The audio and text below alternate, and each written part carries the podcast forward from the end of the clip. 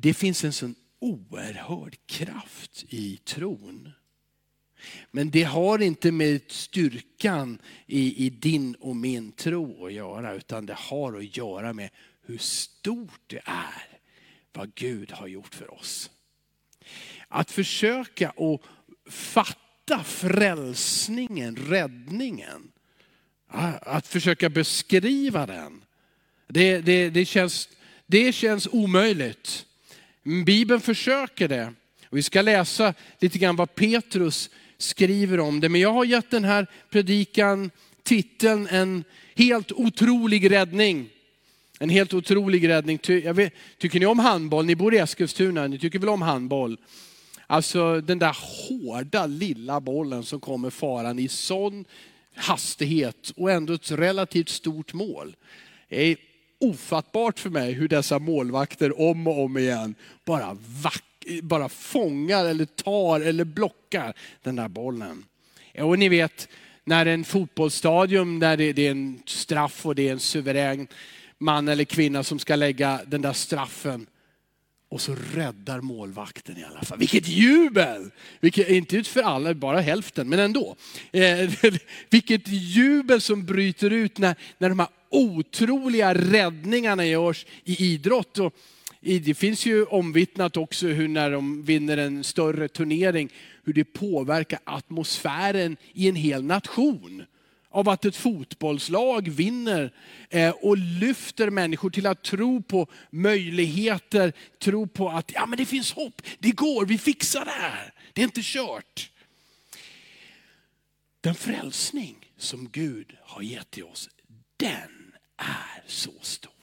Den är så stor. Den är, alltså verkligen, det, hur ska vi beskriva den? Men när Petrus skriver sitt första brev, det finns två brev från Petrus i eh, Nya Testamentet. Fast Petrus antagligen också ligger bakom Markus evangeliet. Eh, Markus skrev säkert, men vi, jag tror att det var Petrus som berättade för Markus, det är det här du ska berätta om och skriva ner om Jesus. Eh, men han har skrivit brev och då skriver han till kristna som de lider. Kristna som lider och prövas. Speciellt det han lyfter fram i Petrusbrevet är förföljelse. Förföljelse för att de tror på Jesus. Förföljelse för att de vill leva som kristna. För att de vill att det ska prägla deras liv och det får synas. Men när vi slår upp första Petrusbrevets första kapitel, kanske, kanske det här en, eh, visar lite grann hur oerhört stor den här frälsningen är och hur mycket Petrus kämpar med att, att skriva det här. För efter några inledande hälsningar så börjar han en mening som går från vers 3 till vers 12 innan han sätter punkt. Det är tio hela bibelverser i en mening. När Petrus vill försöka återspegla hur stor den här frälsningen är. Nu läser jag den där långa meningen. Den kommer också på skärmarna. Första Petrus 1, vers 3 till 12. Jag ger dig några sekunder, är det någon som har med sin egen bibel eller vill slå upp den på sin mobil så, så gör det. Men så här läser vi nu. Välsignad är vår Herre Jesu Kristi Gud och Far. I sin stora barmhärtighet har han genom Jesu Kristi uppståndelse från de döda fött oss på nytt till ett levande hopp. Till ett arv som aldrig kan förstöras, fläckas eller vissna. Och som förvaras åt er i himlen. Med Guds makt bevaras ni genom tron fram till den frälsning som är redo att uppenbaras i den sista tiden. Var därför glada även om ni nu en liten tid måste utstå olika prövningar. Äktheten i er tro är långt mer värd än guld som är förgängligt men ändå prövas i eld. På samma sätt prövas er tro för att sedan bli till lovpris och ära när Jesus Kristus uppenbarar sig. Honom älskar ni utan att ha sett honom. Och fast ni ännu inte ser honom tror ni på honom och jublar i obeskrivlig himmels glädje när ni nu är på väg att nå målet för er tro, era själars frälsning. Det var denna frälsning som profeterna sökte och forskade efter. De som profeterade om den nåd som ni skulle få. De försökte förstå vem eller vilken tid Kristi ande i dem syftade på när han förutsade Kristi lidanden och den härlighet som skulle följa. Och det uppenbarades för dem att det inte var sig själva utan er som de tjänade med sitt budskap. Det budskap har nu förkunnats för er genom dem som i den heliga ande, sänd från himlen, gav er evangeliet ett budskap som änglar längtar att få blicka in i. Punkt. Det var en mening.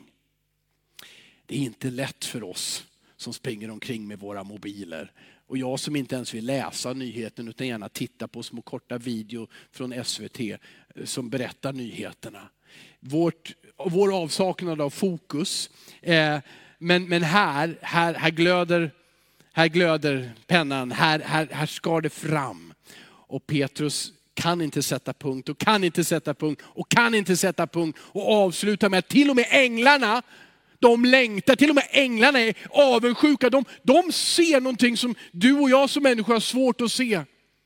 Det är så stort vad Gud gör när han sänder Jesus Kristus. Att de bara längtar att få förstå detta budskap, ta in det, se vad som verkligen händer i en människa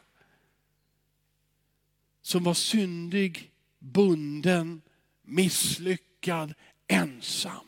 Men som får nåd och blir fylld med Guds närvaro, blir frälst och befriad. Och som inte bara gäller för det som var, utan det är någonting som vi ser fram emot. Änglarna är avundsjuka. De längtar efter att blicka in i det här. Petrus skriver den här eh, uppmuntran till människor som nog led, led förföljelse, inte nog, de led förföljelse betydligt större och starkare än, än vad vi gör. Men hans fokus när Petrus skriver, det ligger inte på alla de där problemen. Känslan av motstånd. Om det är från människor eller man känner ett andligt motstånd. Han beskriver inte, lägger inte ut och vad svårt det är och vad jobbigt det är. Utan han väljer fokus. Fokus på frälsningen. Vad underbar den är. Inte fokus på kris, utan fokus på Kristus. Den var bra va? Jag brukar inte ge er sådana där grejer. Jag har hört den från någon annan. Naturligtvis. Inte fokus på kris, utan fokus på Kristus. Och det är det som vi möter här. Och jag är så glad, eh, eh, ungdomarna som nu är på Nyhem och vuxna som kommer att åka dit här kanske imorgon. Vad är fokus, vad är tema på Nyhemsveckan det här året? Det är Jesus. Det står bara fokus, Jesus. Så tydligt så klart. Hörrni, när man, eh, alla har väl klättrat upp för någon stege någon gång. Och några av er har klättrat upp för ett berg eller något stup. Eller ja, upp för ett stup. Ja, det är bättre uppåt än neråt. Eller hur? Och vilken skillnad det gör vilket håll man tittar åt. Jag eh, jag har alltid varit lite höjdrädd och det verkar som det bara blir värre och värre. Snart är jag rädd för att liksom titta ner här bara, vad som, från det här höga podiet. Eh, men det är så, jag, när jag tittar neråt, när jag går upp för en steg och så tittar jag neråt, eller när jag är uppe på ett berg, vilket jag varit i Österrike flera gånger, och tittar neråt så bara, då börjar det svindla och jag känner konstiga krypningar i benen och vill bort ifrån kanten och sånt där. Oh, vad är det här? Och jag vill ju gärna, jag vill ju gärna jag vill väldigt gärna ha modet att gå fram och titta, för här vågar jag ju, så då kunde man ju göra samma sak på ett berg. Men jag kan inte det liksom. Men vilken skillnad det blir när man tittar upp för stegen, eller upp för berg, eller upp mot himlen. Då försvinner svindlet, känslan av att det snurrar. Då försvinner rädslan. Vem är rädd när man klättrar upp för en stege? Det är man inte. Det är när man tittar ner, men när man tittar upp. Eller hur? Vad fokuset är viktigt. Vilken skillnad det gör. Saltaren 121, vers 1 och 2, jag måste citera den. Jag tror att flera kan det utan till faktiskt. Det är en pilgrimsång står det, en sång. Jag lyfter mina ögon till bergen. Varifrån kommer min hjälp? Min hjälp kommer från Herren som har gjort himmel och jord. Vilken skillnad det blir när vi väljer vårt fokus. Eh, Allt, så mycket när vi, när vi testas, prövas, när det är tufft i vardagen, får oss till att stirra på liksom det som är framför oss. Det som ska göras, rädslan för att möta en jobbig kollega, eh, en räkning som inte går att betala, eller det kanske är 20 räkningar. Eh, och det är klart att man bara, ja men jag måste ju ta ansvar och så tänker man, och så, men vad, vad det förändrar att lägga fokus på rätt plats, rätt person. Inte på dig, utan på Jesus. Inte på omständigheterna, utan på Jesus. Det handlar inte om att fly. Du vet att är du mitt på stegen eller på väg upp för berget, Jesus kommer inte plocka bort dig från stegen och berget. Du är där. Men så som min svindel försvinner när jag slutar att titta neråt och börjar titta uppåt, så får du ny kraft och nya perspektiv och nytt mod när du tittar åt rätt håll och på rätt person. Eller hur? Yes. Eller hur? Åh, oh, tack, tack, tack. Bra. Wow. um, ja, istället för att klaga, det var inledningen också, istället för att klaga. Sjung ut din lovsång. Prisa Herren. Tacka honom. Eh, vi, Petrus började så här, han, han, han välsignade vår Herre Jesu Kristi Gud och Far. Det är faktiskt eh, välsignad på hebreiska i baraka.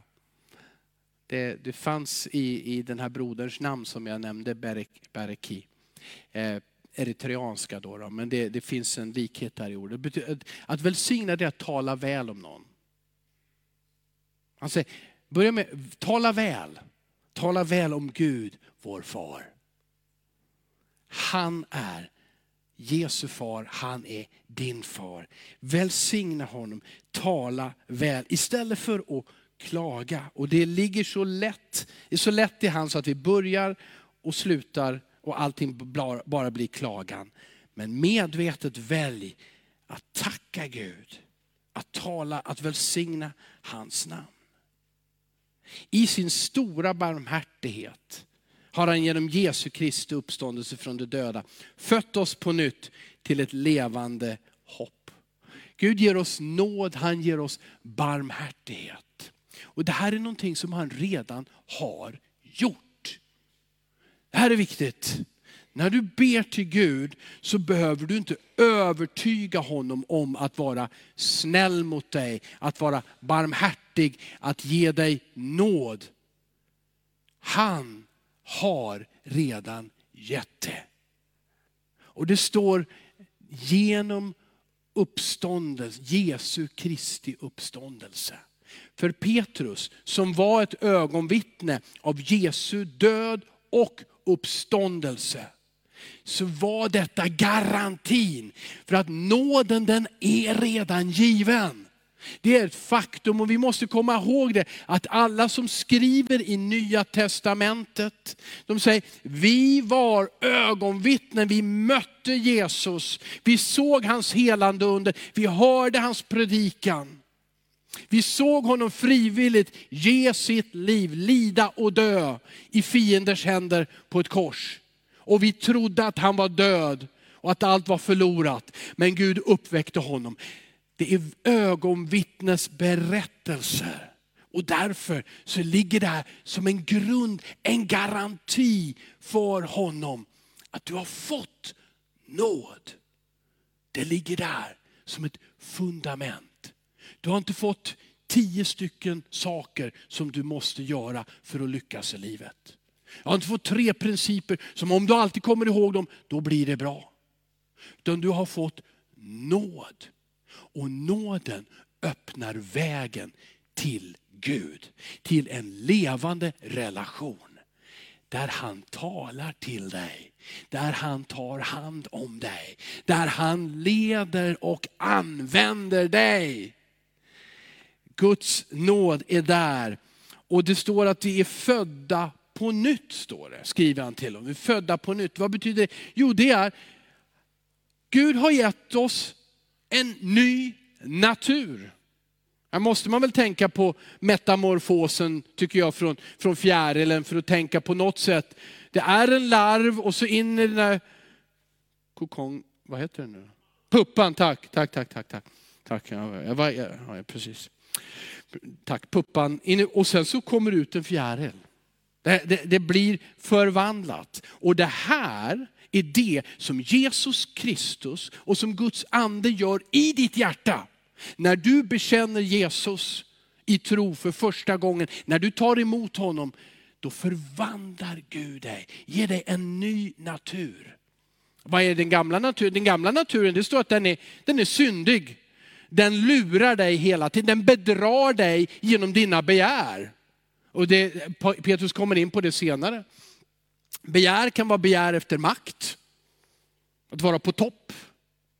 Begär kan vara begär efter rikedom och, och pengar, att vara rikare, att ha mer. Begär kan vara sexuella begär. Makt, pengar eller rikedom, sex. Goda saker som Gud ger som gåvor. Jesus har all makt och han säger, därför ska ni gå ut och göra alla människor. Alltså Jesus ger makt, makt i sig är inget fel. Rikedom kan absolut vara ett tecken på välsignelse. Och Gud vill ta hand om dig och mig, eller hur? Han vill välsigna. Han ger oss sexualiteten och säger, här, jag har skapat man och kvinna. Njut av sexualiteten i äktenskapet. Och det, kan, det kan bli barn och det, det kan bli glädje och välsignelse. Det här är gudagivna gåvor. Men när vårt fokus är fel och våra begär lurar oss, ja men då, då drar det oss bort ifrån Gud, bort ifrån välsignelse, bort ifrån det som Gud vill och kan och göra i ditt liv. Och ibland så säger jag, ja, men jag kan inte annat den här begäret är så kraftigt, det, är bara, det bara drog med mig och jag kan inget annat. Därför har Jesus dött. Han gick inte och dog bara för att, för att liksom. Det är en bra idé, om jag dör så kan de andra leva. Vad, vad är det liksom? Vi behöver, inte, vi behöver inte martyrer. Jag offrar mig för en sak, så får de andra leva.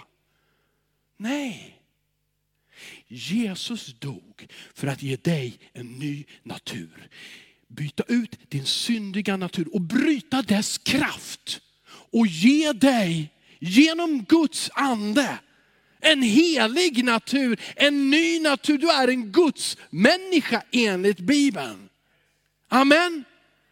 Och begären behöver inte bestämma över det. Ja, som jag vill säga, upprepa det en gång till. Ja, du får använda makt. Ja, du får använda och njuta av pengar. Ja, du får njuta av sexualiteten. Men inte utifrån dina begär som lurar dig, som bedrar dig. Hur många har som jag hamnat i situationer där jag trodde att det här är jättehärligt och jättebra och så blir jag bedragen av mina egen, min egen längtan, mina egna tankar, mina egna begär. Och så blev det kaos. Det här gör synden och sen så står det och till slut så dödar synden dig. Och den dödar först Guds relationen, att vi inte vet ens om det finns en Gud. Och så dödar den allt hopp om att vi har en bra framtid. Och till slut så tar synden verkligen död på oss och vi går till helvetet.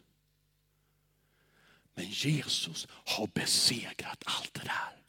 Nåden är given, den ligger där. Du behöver inte förtjäna den. Du får ta emot den som en gåva. Det här är ett faktum, skriver Petrus. En, en enda person har uppstått, uppstått ifrån de döda. Jesus Kristus, Messias. Se på Kristus, se inte på krisen. Fokusera på Jesus Kristus och inte på prövningarna. För han har en väg och han har frälsning för alla. Amen. Okej, okay, så att nu ska jag bara säga några saker utav det som, som Petrus skriver här. Han skriver att vi är födda på nytt till ett levande hopp, inte till ett dött hopp. Inte till besvikelse, inte till någonting som redan har varit, som var aktuellt igår, utan ett levande hopp. Det är därför så, så, så många som tror på Jesus, man ser det någonstans. Kanske inte alla smilar från höger till vänster mellan öronen, men, men man ser, man, wow, det, det är speciellt. Här är någonting som är annorlunda. Han har fött oss, förvandlat oss till ett levande hopp. Och så skriver det, till, jag, jag använder ordet säkert, om det inte, även om det, han har gett oss ett säkert arv. Det står till ett arv som aldrig kan förstöras, fläckas eller vissna. Och som förvaras åt er i himlen. När min älskade farfar dog 1986, ja det är ett tag sedan då, då, då, eh, då, då, då, då fick jag några saker. Jag fick en skinnväst, yes I like it. Jag älskade att bära den här skinnvästen, den var brun. Eh, men om jag försöker sätta på mig den idag så är den väldigt mycket för liten av någon anledning. Eh, jag kommer liksom inte in i den längre på det sättet, eller den, ja, det är ingen bra. Och jag fick, jag fick ärva hans Levin-gitarr. Åh, vad jag älskar den. Den är så fin.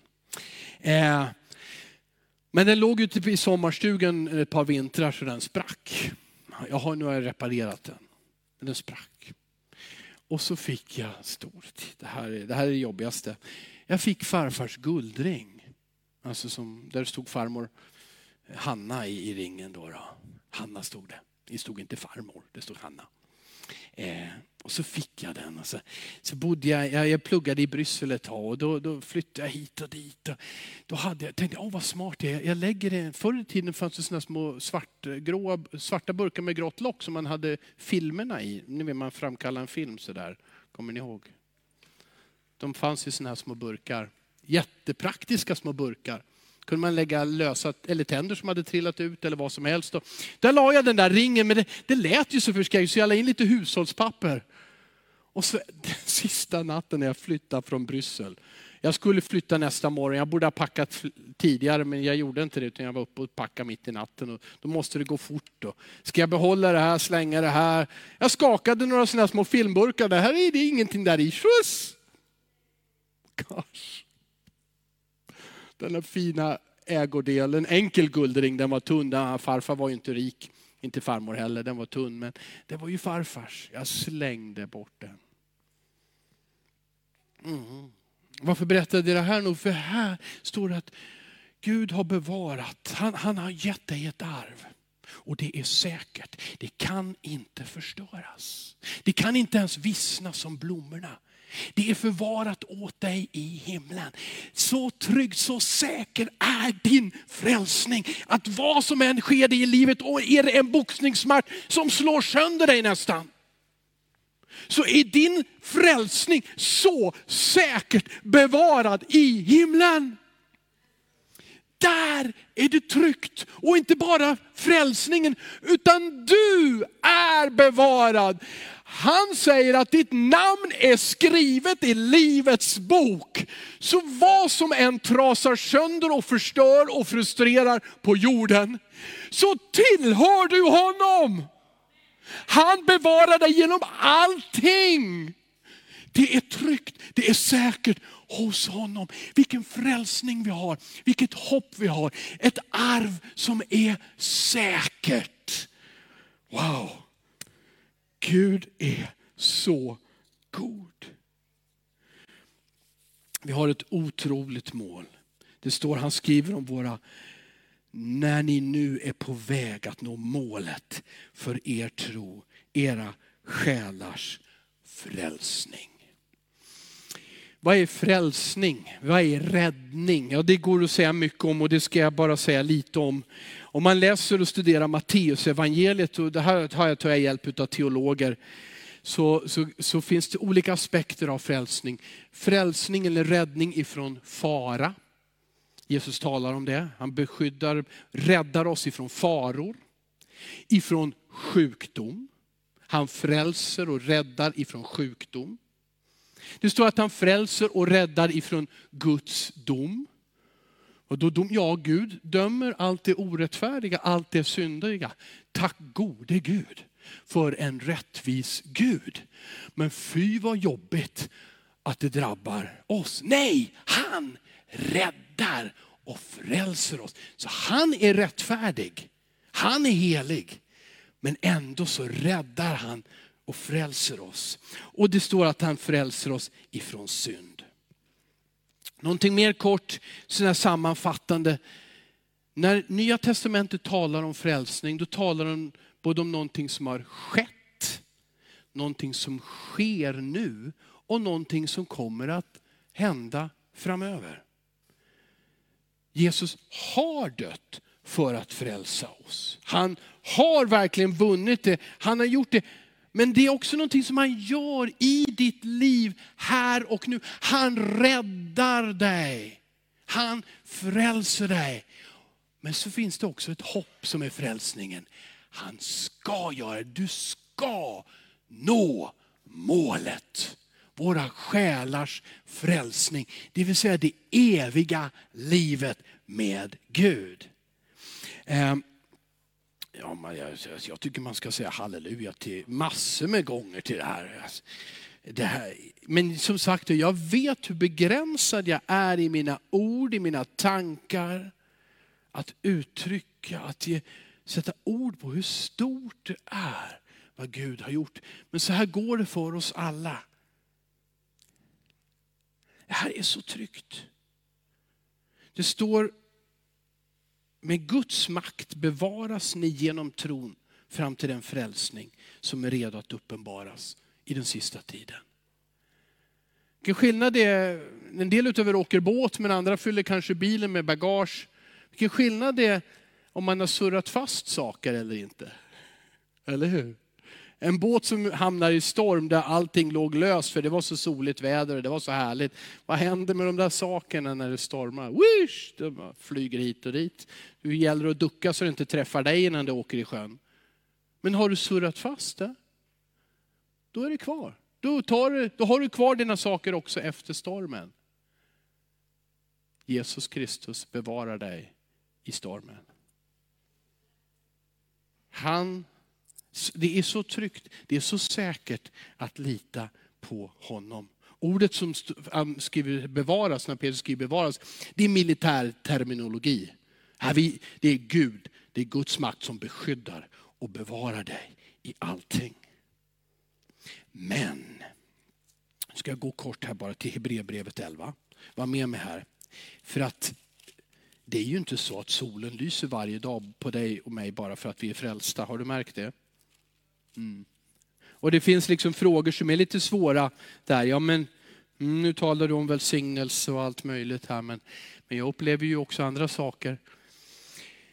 Och eh, det här är ingen, I Hebreerbrevet 11 så, så, berättar, så skriver Hebreerbrevets författare, som vi inte känner till vem det var, eh, berätt, återberättar helt kort, eller nämner berättelser från gamla testamentet. Och när man läser från vers 33 så står det att genom tron, och det här, här har tron och fokuset. Genom tron besegrade de kungariken, skipade rätt, fick löften uppfyllda, stängde lejonsgap, släckte rasande eld och undkom svärdets ägg. De var svaga men fick kraft. De blev starka i strid och drev främmande härar på flykten. Kvinnor fick sina döda tillbaka genom uppståndelse. Det här är, wow, det här, är, här nämner han en grupp som så tydligt blir välsignade, blir hjälpta. Men nu så fortsätter han och så beskriver han något helt annat. Andra blev torterade och accepterade ingen befrielse. För de ville nå en bättre uppståndelse. Andra fick utstå hån och piskrapp, ja även bojor och fängelse. De blev stenade, söndersågade, dödade med svärd. De gick runt i fårskinn och gethudar, nödlidande, plågade och misshandlade. Världen var inte värdig att ta emot dem. De irrade omkring i öknar och bergstrakter, i grottor och hålor. Och fast alla dessa hade fått vittnesbörd för sin tro, fick de inte det som var utlovat. Gud har nämligen förberett något bättre för oss. Först tillsammans med oss ska de nå fram till målet. Det här i vad han beskriver om gamla testamentet, om män och kvinnor. Hur en del fick uppleva hjälp, otrolig, mirakulös hjälp. Och andra fick ett svårt slut. Men vad stod det? Tillsammans ska de nå målet. Tillsammans ska vi nå målet. Gud sviker inte sina löften. Han förändrar sig inte. Han är trofast. Om jag får välja, vad tror ni att jag väljer? Det är klart att jag vill ha det bekväma. Det, jag antar att det är så du också tänker. Men han är med i allting. Och tillsammans ska vi nå fram. Det stod i tidningen häromdagen, det här är inte bekräftat. Den förre presidenten i Nigeria, han, han av, avgick nyligen. Och som en present till honom så står det att det lär vara 700 kristna som blev mördade i Nigeria i maj månad. Bara för att liksom tacka. Så intensiv är konflikten där många muslimer i flera av de här norra delarna utav Afrika förjagar och dödar. Igår så läste jag om att det hänt i Uganda. Vi, flera av oss har varit i Uganda, vi har nära relationer på gränsen mot åt Kongohållet så att säga. Eh, det stod väl en 25 stycken var dödade. Och jag, i morse så fick jag skick, var en pastor där som skickade bilder och filmer till mig. Jag är säker på att de här bilderna och filmerna kommer ni aldrig att få se i våra svenska nyheter. För de var så, de var så äckliga och så otäcka. Jag såg så mycket mördade människor och blod. Jag såg också sårade människor som var uppspisade på ett sätt som du inte vill fantisera kring. För att de var, eller är, troende. Nu vi prövas på olika sätt. Och det är många frågor som vi har, speciellt när det är svårt för oss, när vi tycker det är mycket motstånd. Men Gud har förberett en underbar frälsning för alla. Den gäller dig och den gäller andra. Och den gäller när solen skiner och den gäller när det regnar. Den gäller när det är lugnt i ditt liv och när det stormar. Gud har en frälsning för dig i himlen. Och han har skrivit ditt namn i himlen om du har tagit emot den gåvan. Den är gratis, den blir inte påtvingad någon människa. Den har med Jesus att göra, snickarsonen från Nasaret som också var Guds son. Som kom för att förkunna Guds kärlek. Men som gav sitt liv för dig och mig för att göra slut på syndens makt att bedra oss och förstöra. Han besegrade det och den som med sin mun bekänner Jesus var min Herre. Den som tror i sitt hjärta, Gud har uppväckt dig från de döda. Den ska vara frälst står det i Guds ord. Gud bevarar den som bekänner sig till honom, till hans son. Allting handlar om Jesus Kristus. Vi ger inte upp. Och till avslutning så läser jag några verser som också är så starka, men då går jag till andra Korinthierbrevets fjärde kapitel. Andra Korinthierbrevets fjärde kapitel, vers 16. Där skriver Paulus om, om denna frälsning som en fantastisk skatt. Denna kraft som är verksam i oss. Guds ande. Guds frälsning och skriver, därför ger vi inte. Även om vår yttre människa bryts ner, förnyas vår inre människa dag för dag. Och Lite skämtsamt kan jag säga att jag efter att jag fyllde 50 har jag insett att min yttre kropp bryts ner. Men det får väl stå lite grann som ett skämt även om det är totalt sant. Men eh, vi, vi, vi, jämförelse här med, med lidanden så blir det ju som ett skämt när jag säger så i alla fall. Men även om vår yttre människa bryts ner, förnyas vår inre människa dag för dag. Vår nöd som är kortvarig och väger lätt bereder åt oss en väldig och överväldigande härlighet som väger tungt och varar för evigt.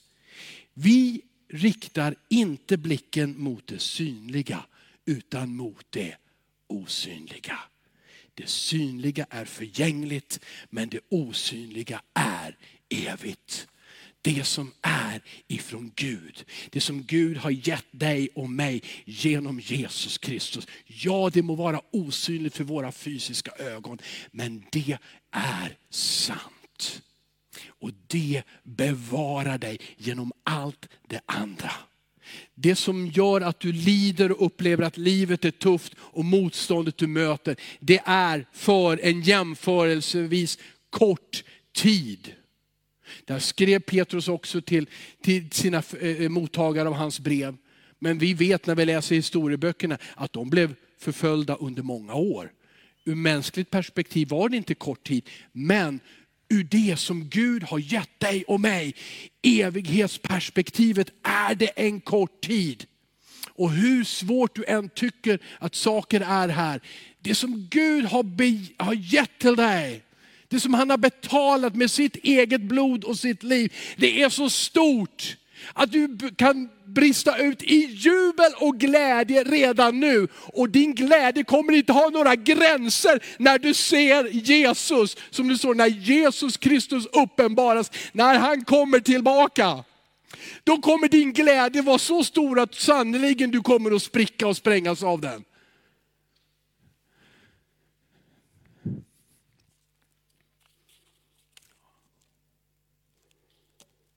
Fokusera inte på krisen. Fokusera på Kristus. Frälsningen är en gåva, öppen för alla människor. Guds väg genom stormar och kriser och svåra tider. Det är en väg där han säger till varenda människa, jag vill gå med dig. Du och jag tänker ofta, jag har svikit förr, jag fixade det inte, jag har inte hållit ut, jag gav upp för tidigt. Jag hade inte resurserna, det fanns inte människor som hjälpte mig. Pappa, pappa, pappa, jag fixar inte den här gången. Men han säger, jag är med dig. Jag är med dig. Och jag kommer att beskydda och bevara dig. Jag ska föra dig genom vilka kriser du än kan gå. Men fokusera inte på de kriserna och tänk inte efter hur många fler kriser kommer. Utan se på Jesus Kristus. Det är en inbjudan till alla, alla människor och en var oavsett vem du är. Tack Jesus Kristus för att du har gjort detta. För alla människor, alla människor i detta rum, alla människor i denna stad, i detta land, på denna jord. För alla människor. Herre, jag tackar dig Jesus Kristus. Och jag ber nu för var och en som öppnar sitt hjärta för dig, som söker din hjälp Herre, som vill rikta sina ögon till dig Jesus. Herre, jag ber om nåd in i deras liv Herre. Jag ber om en glädje, en segerglädje, ett jubel i deras hjärtan. Jag ber om frid Herre Jesus, för du är på deras sida. Du är på vår sida. Du är för oss och inte emot oss. Och jag tackar dig Herre. Jag tackar dig för de goda nyheterna, för evangeliet Herre. Att du har gett ett liv för alla. Att du välkomnar alla. Att du frälser och befriar och ger oss en framtid så stor, så underbar. I Jesus Jesu namn. Amen. Amen. Amen. Tack Jesus. Ska vi stå upp tillsammans?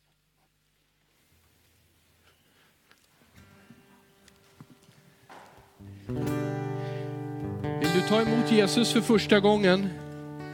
Gör du det genom en bön, att be till Jesus, ta emot honom i ditt hjärta. Våga tro att han förlåter, att han älskar dig, att han har en framtid för dig. Vill du, känner du att du vill att någon ska be för dig, då har vi våra förebedjare här. Då kan de gärna be för dig. De vill gärna ge, vi kan också ordna ge dig ett nya testamente om du inte har en bibel att läsa. Börja läsa själv om Jesus. Går du igenom en kris, vad den är, den kanske är ny, den kanske pågår sedan många år. Vill du att någon ska be tillsammans med dig, gå gärna till våra förebedjare. Men allra, allra viktigaste är att du vet att Jesus, han är med dig. Så be och ge det till honom helt enkelt. Han vill hjälpa. Amen.